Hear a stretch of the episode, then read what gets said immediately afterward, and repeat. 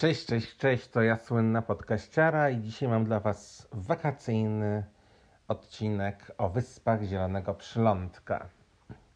Postanowiłem nagrać taki odcinek, bo coraz więcej osób z Polski e, wyjeżdżało, było lub miało zamiar odwiedzić e, Wyspy Zielonego Przylądka. No w tej chwili niestety e, podróże są zabronione ale e, chciałem Wam opowiedzieć, jak wyglądało moje życie tam e, 10 lat temu, czyli zanim, zanim wszyscy z Polski zaczęli przyjeżdżać, jak tak naprawdę wygląda e, prawdziwe Cabo Verde, prawdziwe e, Wyspy Zielonego Przylądka.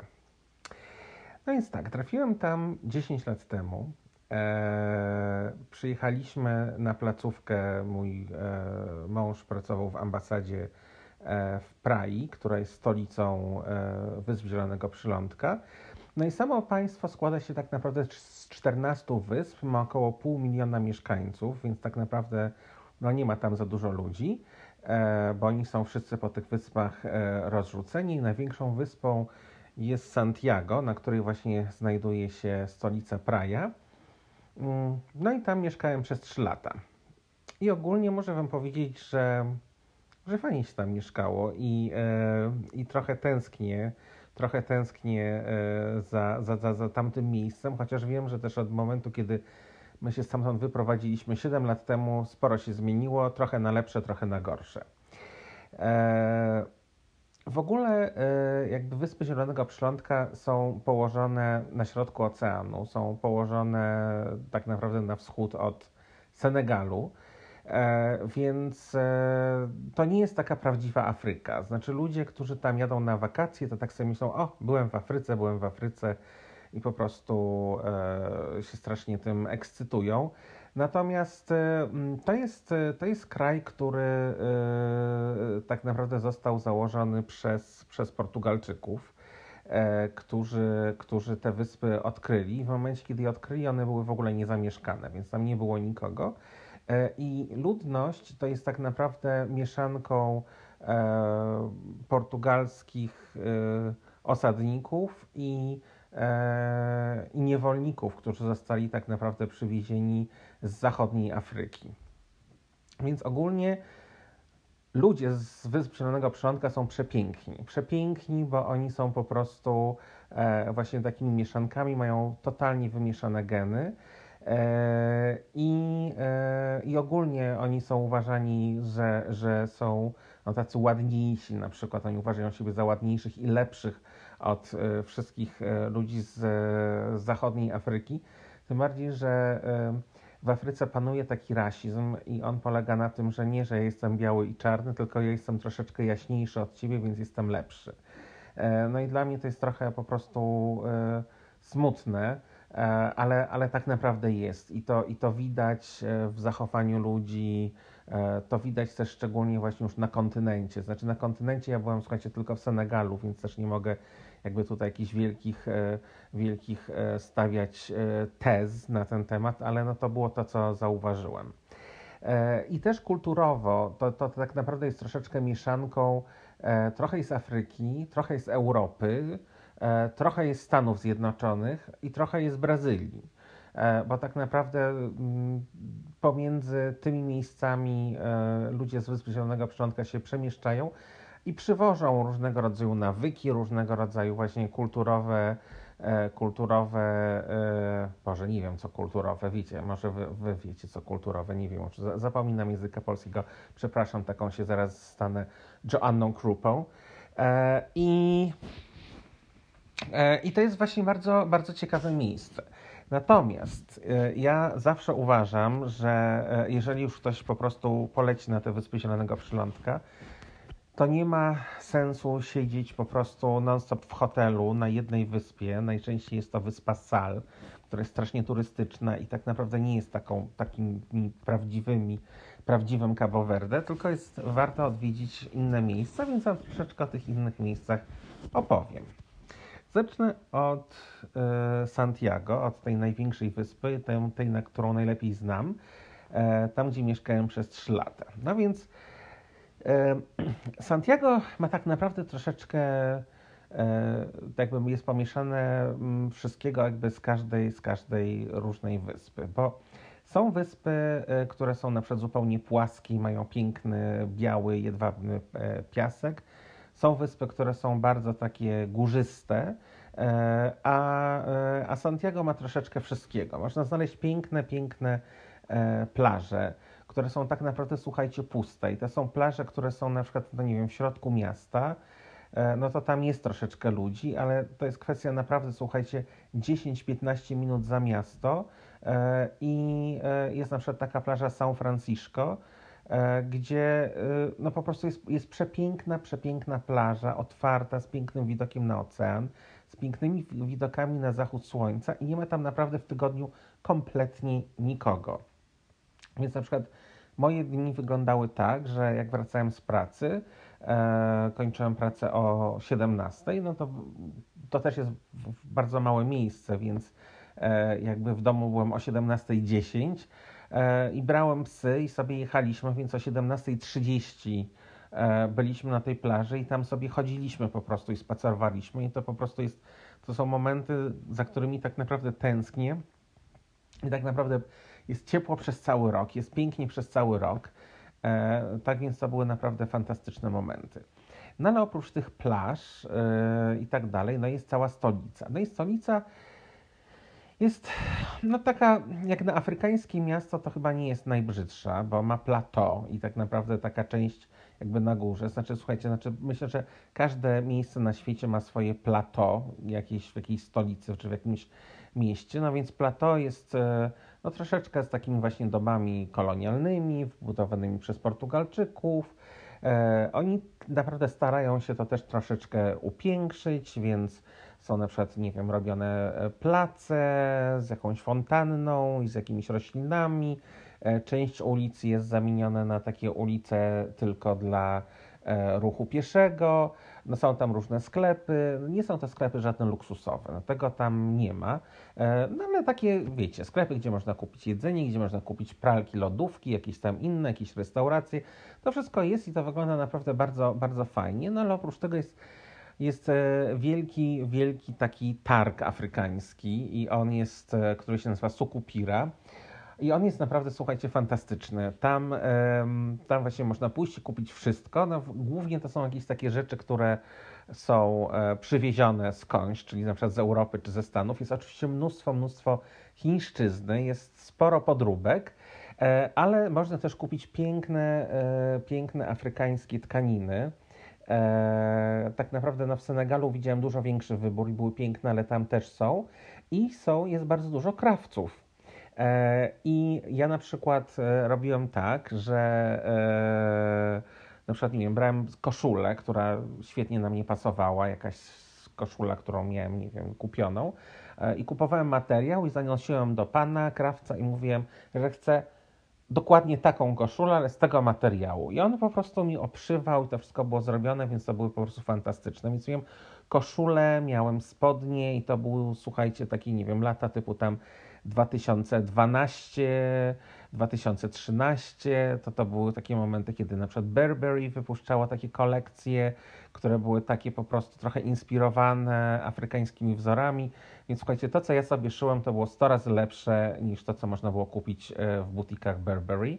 E, I, I kosztowało to grosze tak naprawdę w przeliczeniu. I, a, a sam wiem, że płaciłam na pewno dużo więcej niż miejscowi, no bo jednak e, biały człowiek płaci drożej. E, więc bardzo, bardzo lubiłem pojawiać się tam na tej, na tej sukupirze. E, I, i, I chciałbym Wam powiedzieć, że po prostu znaczy super było to, że wszyscy są, znaczy nie są namolni, ale byli bardzo, bardzo, bardzo mili. I, yy, I jako przykład to powiem Wam coś, co się wydarzyło i o czym po prostu sobie myślałem. E, to było 8 lat temu, czyli w 2000. Yy, nie, więcej niż 8 lat temu. To było kiedy, znaczy zanim jeszcze moja mama umarła, e, ja przyleciałem do Polski, e, żeby no, no, po prostu mamę, mamę odwiedzić e, i mama szła akurat do szpitala i potrzebowała szlafrok. I wiecie, no tak się zastanawiam, no, gdzie ten szlafrok kupić, a w związku z tym, że no, mama mieszkała w samym centrum Warszawy, to jeżeli znacie Warszawę, w przejściu podziemnym koło Rotundy, tam zawsze były takie sklepiki. No był taki właśnie sklepik z jakimiś takimi szlafrokami i innymi rzeczami. No więc tam mi ciocia jedna powiedziała, że mam tam iść, więc poszedłem. I słuchajcie, wchodzę do tego sklepu e, i mówię tak, że dzień dobry, też w ogóle taki z uśmiechem i tak dalej. Wchodzę, że dzień dobry, że to chciałbym dla mojej mamy kupić szlafrok. Ona tak do mnie, rozpinany czy nie rozpinany? Ja mówię, no chyba rozpinany. Więc pokazałam jakąś takie szlafroczysko, które było takiego sztucznego weluru, który z zewnątrz to jest taki kizi-mizi, ale od przodu, od spodu to ma taką drapiącą siatkę i on był zapinany na suwak, na takim suwak z takim malutkim zapięciem, że ja wiem, że moja mama to by tam w życiu na dole, żeby to zapiąć, po prostu zasunąć, tego nie trafiła.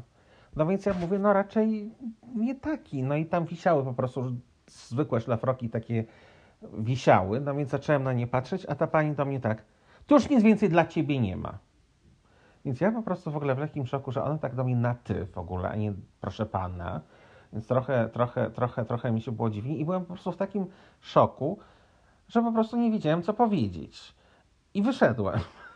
I poszedłem do H&M i tam kupiłem szlafrok i po prostu nie było, nie było sprawy, ale sobie pomyślałem, że gdybym w tej Afryce poszedł i powiedział, że moja mama na tym targu, że moja mama idzie do szpitala i że potrzebuje dla niej szlafrok, to nie dość, że po prostu ta pani tam, ta mama, która sprzedaje, to ona by mi w ogóle sprzedała trzy szlafroki dla mojej mamy, ale bym był wyściskany, wycałowany i ona w ogóle by powiedziała, że ona się będzie za tą moją mamę modlić i wiem, żeby się modliła. Więc to po prostu jakby jest takie zupełnie inne poczucie e, właśnie, nie wiem, no, obcowania z ludźmi i, i, i, i to było naprawdę strasznie, strasznie fajne na tym, na tym targu i za tym też tęsknię. No a poza Prają, która no tak naprawdę jakby też jakby te wszystkie e, obrzeża, no to nie są takie, słuchajcie, piękne. No, są takie, takie domy, które są bardzo często niewykończone, bo, bo podobno jest tak, że jeżeli dom jest niewykończony, niepomalowany, to się wtedy jakby płaci mniejszy podatek, czy się w ogóle nie płaci za podatek, bo ten dom jest nieskończony, więc się po prostu nie płaci za niego. Więc tam jest dużo takich domów, które no po prostu wyglądają beznadziejnie, no po prostu i brzydko. No ale są, ludzie tam mieszkają. E, no, ale oprócz tego były też e, jakby właśnie te miejsca e, poza, poza Prają. Więc tak naprawdę, żeby pojechać na drugi koniec wyspy, no to tak, to jest maksymalnie godzina. To, to, to jest tak po prostu najdalej, więc to wcale nie jest wielka, wielka wyspa. E, ale jest to bardzo, bardzo ciekawe miejsce, bo poza Prają, tak jakby bym powiedział, nie wiem, około nie wiem, 15-20 minut od stolicy, e, jest miejsce, które się nazywa Ciudad de Velia, czyli Stare Miasto. I to jest przepięknie, przepięknie położone małe miasteczko, e, oczywiście nad oceanem, bo tam wszystko jest nad oceanem, na wyspie, gdzie kiedyś był tak naprawdę targ niewolników. E, I do tej pory tam jest plac, na którym stoi taki pręgierz, do którego oni byli przywiązywani e, i tam nimi e, handlowano, więc wszyscy jakby niewolnicy, którzy byli przywożeni z zachodniej Afryki, z kontynentu, trafiali tam, tam byli sprzedawani i właśnie z Wysp Zielonego Przylądka oni trafiali na przykład do Ameryki Północnej, więc to, znaczy to jest bardzo też no, smutna i tragiczna historia, no ale jest to część historii i to tam się działo, więc jakby to można zobaczyć. No ale oprócz tego są na przykład ruiny, um, ruiny e, katedry e, chrześcijańskiej, katolickiej, które też są no, bardzo, bardzo ciekawe, żeby je zobaczyć. Tam w ogóle też przytrafiła mi się taka historia, że tam poszliśmy raz i nagle się zjawiła jakaś taka mała dziewczynka i ona tak zaczęła do nas podchodzić i my mówiliśmy, mówiliśmy i po portugalsku i mówiliśmy też, ja troszeczkę mówiłem e, w ich miejscowym języku, który jest, e, nazywa się kriolu, więc to jest jakby kreolski z Wysp Zielonego Przylądka. No i ta dziewczynka podchodzi, podchodziła tylko do nas i mówiła tak, bonjour, dinheiro. Dinheiro to jest pieniądze po, po E, po portugalsku, więc mówiła dzień dobry po francusku, pieniądze po, po portugalsku. Bonjour, dinheiro. Bonjour, dinheiro. No i my zaczęliśmy jakby do niej się odzywać i w ogóle no cześć, a jak się nazywasz, a coś tam, a w ogóle nic, było tylko bonjour, dinheiro, więc to po prostu było trochę, znaczy ona trochę jak robot mówiła, więc Więc do tej pory to po prostu jakby my już używamy między sobą bonjour dinero, jeżeli ja coś potrzebuję od mojego męża na przykład. E, też e, właśnie w tym miejscu e, była taka organizacja właśnie kobiet, kobiet, które tam różnego rodzaju wytwarzały rękodzieło, szyły, robiły różnego rodzaju rzeczy, więc miały swój sklepik, więc my za każdym razem, jak tam odwiedzaliśmy, to, to, to szedłem, rozmawiałem i kupowaliśmy różne obrusy, inne rzeczy, więc zawsze, zawsze staraliśmy się ich, e, te panie wspomagać. E, wspaniała restauracja po prostu właśnie nad, nad, nad samym e, oceanem, na plaży, z pysznymi, świeżymi rybami. E, I też jest tam, e, tam są ruiny takiego zakonu z XVI wieku. I też jak tam przyjechałem, to zorganizowałem ślub i wesele dla pary Japończyków, bo ja tam byłem, nie wiem, no dwa miesiące na, na tych Wyspach Zielonego Przylądka i na jakiejś tam właśnie imprezie poznałem Mimi, dziewczynę z Japonii. No i zaczęliśmy rozmawiać, to był koniec września. E, I zaczęliśmy rozmawiać i ona powiedziała, że no tak, że ona właśnie mm, tutaj myśli o tym, myślała, bo ona bardzo chciałaby mieć jakby taki prawdziwy ślub i wesele, bo ona ze swoim mężem to tak naprawdę ich ślub polegał na tym, że e, ona poszła do urzędu i podpisała dokumenty i on przysłał dokumenty przez niego podpisane do Japonii e, i, i tak wzięli ślub, natomiast nigdy nie mieli żadnej ceremonii. No i powiedziała, że no właśnie się zbliża 10 e, października i to był 2010 rok, a dziesiątka dla Japończyków jest bardzo szczęśliwa i to była data 10-10-10. Więc powiedziała, że to byłoby cudowne, żeby mogli wziąć po prostu ślub tego dnia, ale mówi, że to jest po prostu zupełnie za mało czasu, tam zupełnie nic nie ma, więc, e, więc e, ona, ona jakby no już jakby no straciła nadzieję. Mówię, słuchaj, ja tutaj wszystko zrobię. Słuchajcie, w dwa tygodnie znalazłem wszystko. Znalazłem jej suknię ślubną i to nawet, że moje koleżanki, które tam pracowały, mieszkały w, w Prai, nawet nie wiedziały, że jest sklep z sukniami ślubnymi. Znalazłem im obrączki, musiałem zamówić kwiaty, bo tam kwiaty niestety nie rosną e, i trzeba, e, trzeba je po prostu sprowadzać. Tak naprawdę one są raz w tygodniu, przypływają z Wysp Kanaryjskich. E, znalazłem właśnie to miejsce, ten, ten, piękny, ten, ten, ten, piękny właśnie stary klasztor, Znaleźliśmy e, dziewczynę, która po prostu nam śpiewała, Solange Cezarowna. Słuchajcie, przepiękna, ale tak piękna dziewczyna, że po prostu można umrzeć.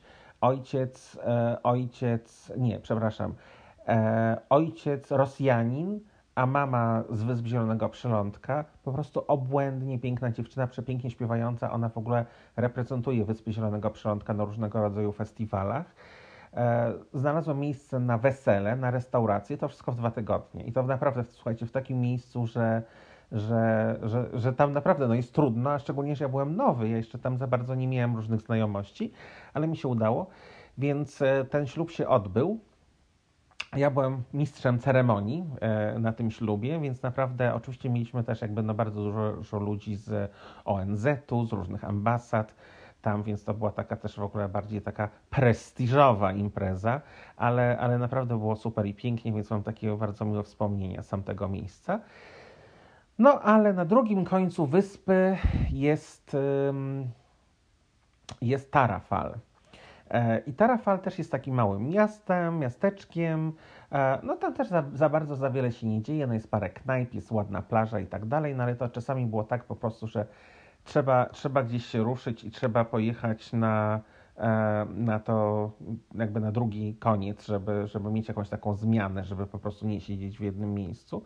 Więc często sobie na przykład w weekendy jeździliśmy, a w momencie, kiedy się jedzie przez, przez całą wyspę, to się pojawiają góry tak naprawdę, no nie w połowie, ale tak po drodze. E, więc, e, więc też jest świetnie, bo się po prostu jedzie i się nagle po prostu robi zielono, bo Wyspy Zielonego Przylądka, słuchajcie, nie są zielone. One są zielone tak naprawdę tylko po porze deszczowej, natomiast ogólnie to jest wszystko wypalone, e, jest, jest sucho, nie jest, nie, jest, nie jest zielono. Tam było kiedyś zielono, ale Portugalczycy po prostu wycięli wszystkie drzewa i po prostu całe drewno zabrali I, i, I dlatego tam po prostu nic nie ma. Natomiast im jest wyżej, w górach, to jest dużo więcej wilgoci, więc jest zielono, więc po prostu się nagle wjeżdża po prostu w jakieś takie w ogóle piękne, zielone, górzyste miejsca. I też widziałem, słuchajcie, takie, takie, takie rzeczy, o których się uczyłam, nie wiem, na przykład na lekcjach geografii, po prostu zawsze mi się wydawało wtedy, że to jest takie w ogóle trochę w ogóle dziwne, że coś takiego można robić, że na przykład jak, jakby, jak można pozyskiwać wodę. No i e, że można jakby, że się, że się rozstawia takie siatki i że się skrapla po prostu chmury. E, I tam naprawdę to, to było, że to były takie właśnie siatki porozstawiane i te chmury przepływające, one się na tych siatkach osadzały i to się wszystko skraplało, więc po prostu takie rzeczy mogłem zobaczyć. E, no i no i tak, i to było tak, słuchajcie, że do godziny w jedną stronę się jechało, tam się na przykład, nie wiem, zjadło lunch, posiedziało chwilę i się później wracało. Powrót był troszeczkę inną drogą, bo do Tarafal się zwykle jeździło przez środek wyspy, a wracało się jakby drugą stroną e, nad oceanem, też w ogóle z pięknymi widokami, e, więc fantastyczne miejsce. E, ale to też jakby Wam właśnie powiem jeszcze na, właśnie na przykładzie takiego właśnie afrykańskiego myślenia i afrykańskiego działania, że Raz kiedyś tam pojechaliśmy i postanowiliśmy zostać tam na weekend i, i, i zostać na noc.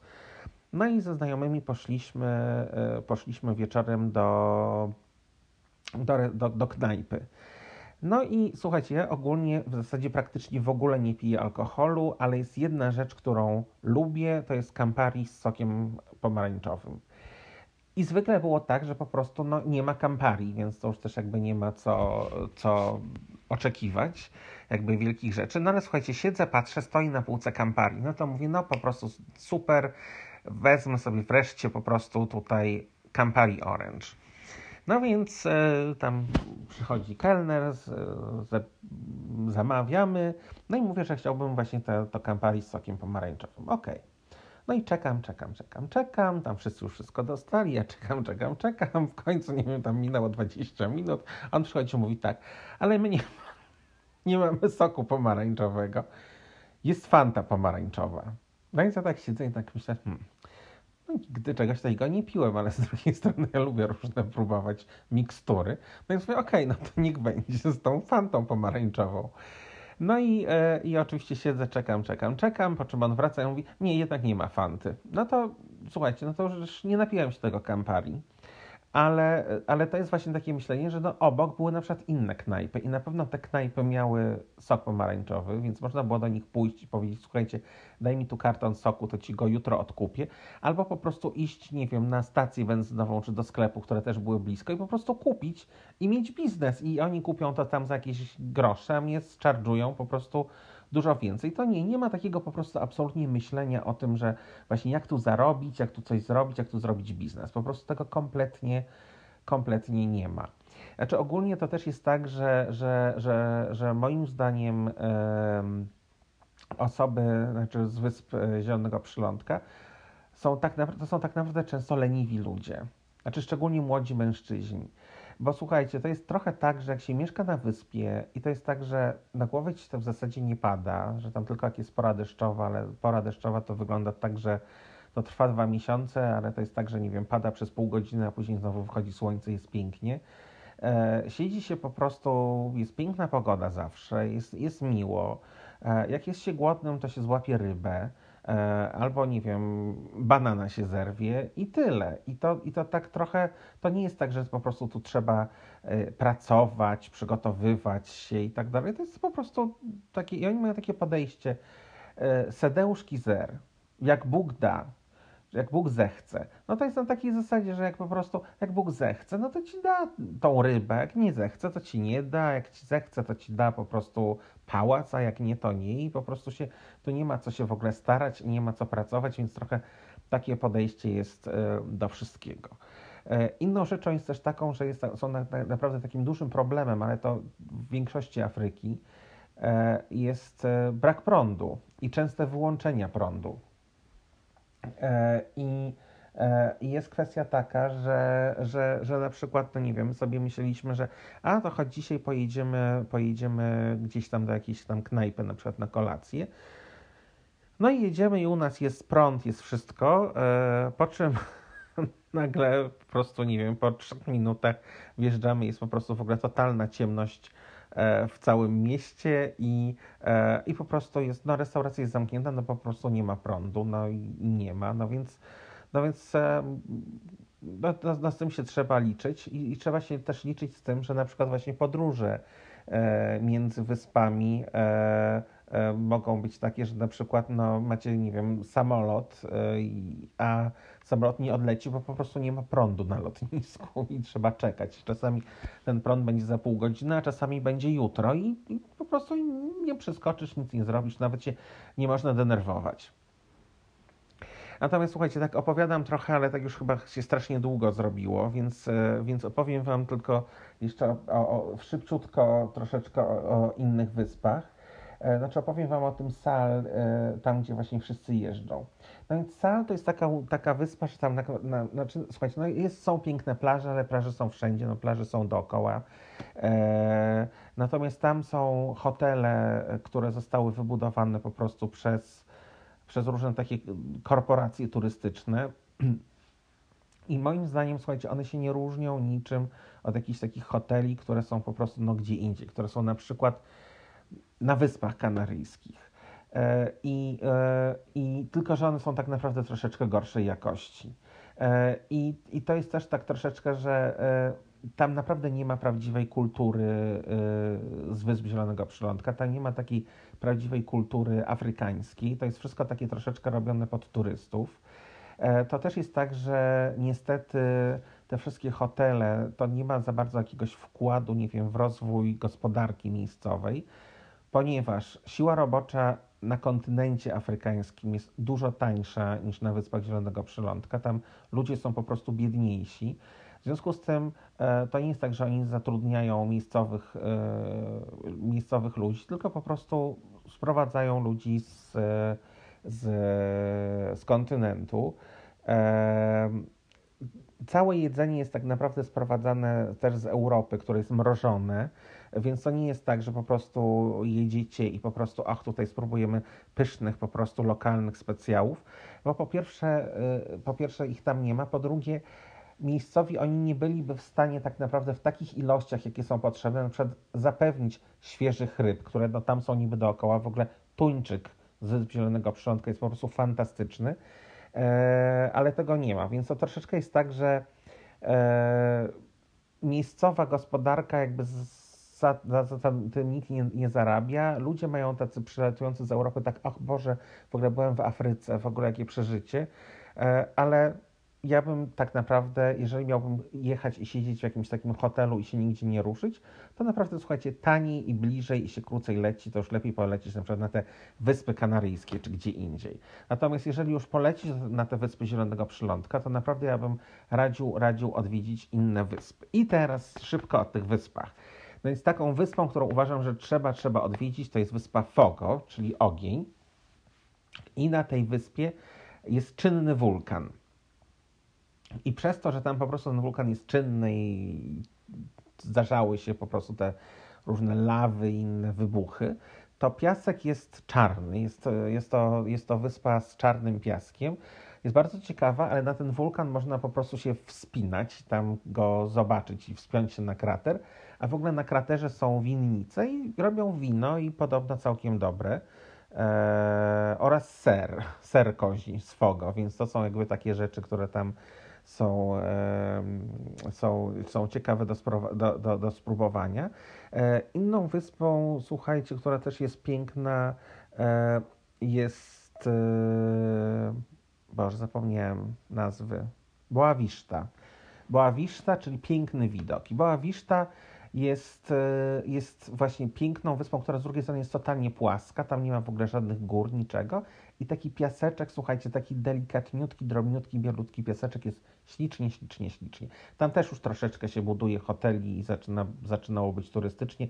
Teraz jest pewnie jeszcze więcej, ale naprawdę bardzo fajna wyspa, ale tam tak naprawdę nie ma nic do roboty. Znaczy to jest taka, jak ktoś właśnie chce jechać i leżeć na plaży, to to jest wyspa najlepsza właśnie na to, bo ma najładniejsze plaże z najfajniejszym, z najmilszym piaskiem. E, bardzo ciekawą wyspą jest e, São Vicente e, i to też jest taka wyspa, na której znajduje się miasto Mindelo, które jest przepięknym, przepięknym takim właśnie miastem kolonialnym z piękną architekturą. Oni też tam się starają bardzo to przystosować do turystów, więc tam robią taką, zrobili piękną marinę, z różnymi restauracjami, ale fajne są takie stare, stare, stare restauracje, które są tam naprawdę od bardzo wielu lat. I pamiętam, że, że taka była restauracja Chave d'Oro, Złoty Klucz, gdzie był po prostu pan kelner, który tam pracował od 30 lat i on był po prostu takim wspaniałym kelnerem starej daty i on tak przychodził i tak nakładał na przykład jedzenie, serwował z półmisków i dwoma, dwiema łyżkami nakładał to wszystko tak dwiema łyżkami w jednej ręce, tak pięknie nakładał na talerze, więc po prostu cudowna, cudowna restauracja. No i właśnie stamtąd pochodzi Cesaria Evora, która jest tak naprawdę chyba najbardziej znaną osobą ze Zielonego Przylądka na całym świecie.